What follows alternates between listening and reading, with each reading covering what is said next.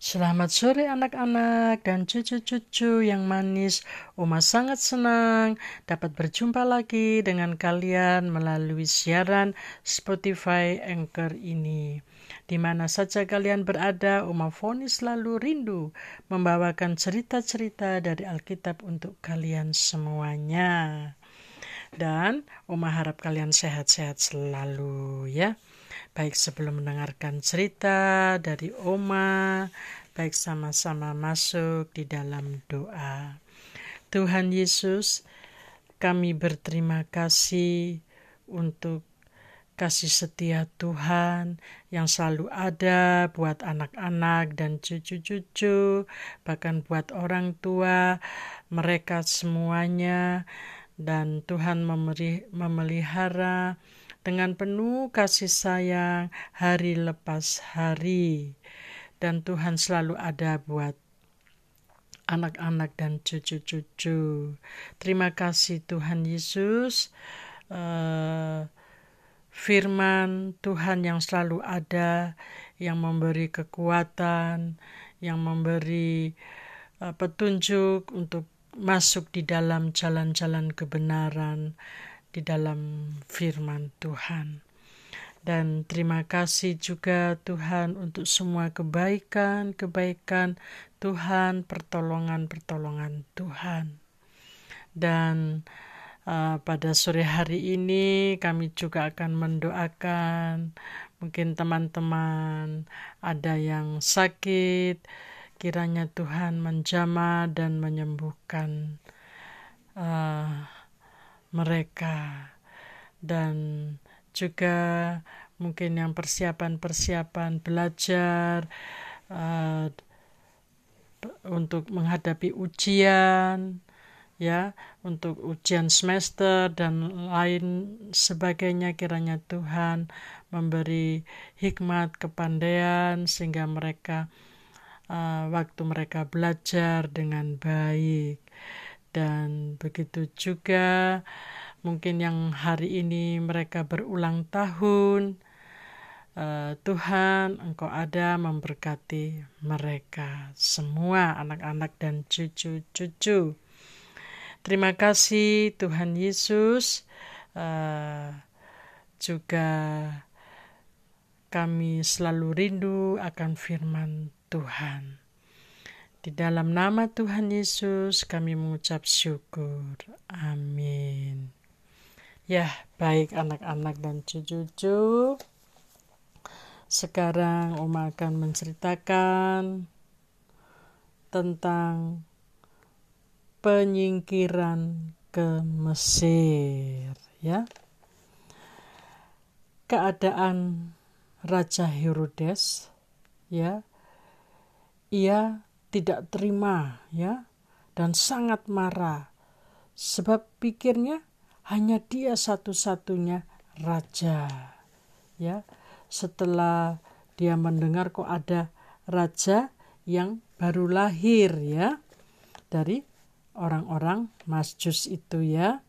Lah sekarang beritanya ya ini kok ada aja uh, raja yang baru lahir apalagi orang-orang majus itu datang mau menyembahnya dan memberi hadiah.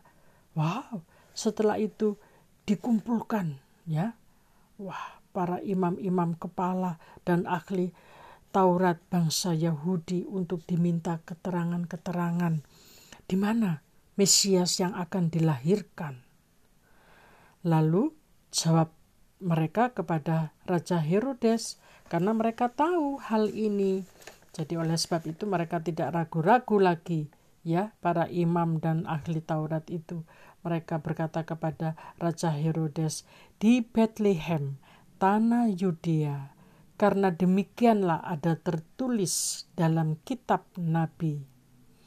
Dan engkau Bethlehem tanah Yehuda, Engkau sekali-kali bukanlah yang terkecil di antara mereka yang memerintah Yehuda, karena daripada mula akan bangkit seorang pemimpin yang akan menggembalakan umatku Israel. Nah, setelah Raja Herodes banyak mendengar dari orang-orang bahwa telah lahir seorang raja.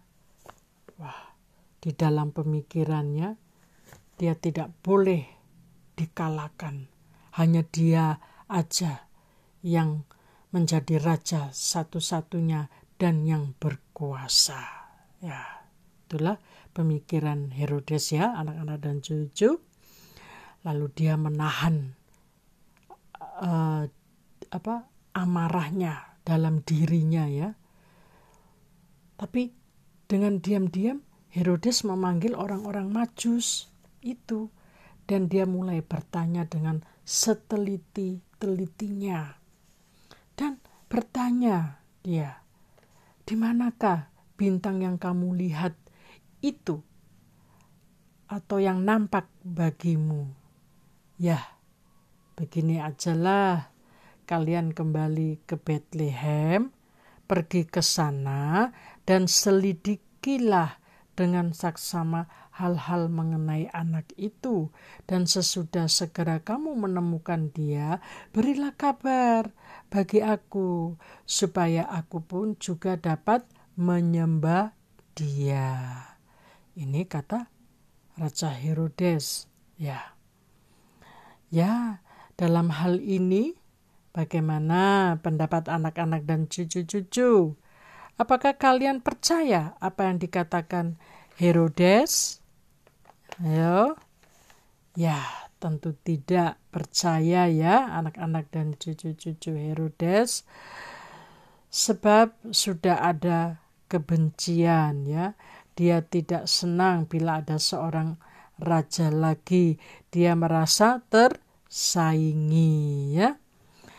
Setelah mendengar kata-kata dari Herodes, pergilah orang-orang Majus ini dan mereka melihat bintang itu di sebelah timur. Bintang itu mendahului mereka hingga bintang itu berhenti di atas tempat lahirnya bayi itu. Jadi, hal ini ya, para orang Majus sudah tahu tempat yang pasti ya, karena bintang itu berhenti ya. Nah, kemudian turunlah mereka dari unta-unta itu serta membawa persembahan-persembahan para orang Majus ini dengan penuh sukacita Sebab apa anak-anak dan cucu-cucu? Sebab perjalanan yang mereka tempuh sangat jauh sekali ya, bermil-mil ya. Jarak eh, serta berhari-hari ya mereka berjalan ya dari pagi, siang, sore hingga malam lalu mereka beristirahat lagi ya. Ini perjalanan mereka kurang lebih dua tahun. Wah, itu ya. Mereka naik unta. Kira-kira perjalanan menuju ke Bethlehem itu dua tahun. Kalau dua tahun itu berapa hari anak-anak dan cucu-cucu? Ya, satu tahun itu 360 hari ya. Kalau dua tahun, ya berapa ya? 700 20 hari. Uh, bayangkan ya, anak-anak ya, mereka berjalan uh, seperti itu dengan unta mereka ya. Sebab dari mereka itu uh, di negara yang mereka tinggal itu di Persia.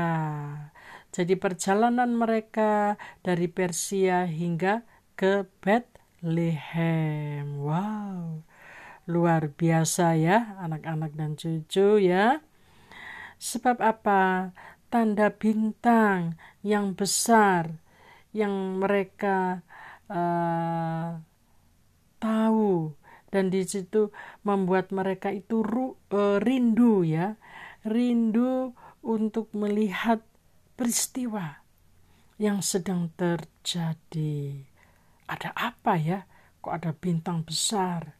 dan mereka tahu sebab mereka ini adalah orang-orang pandai, ahli dalam perbintangan dan mereka ini orang-orang yang kaya ya.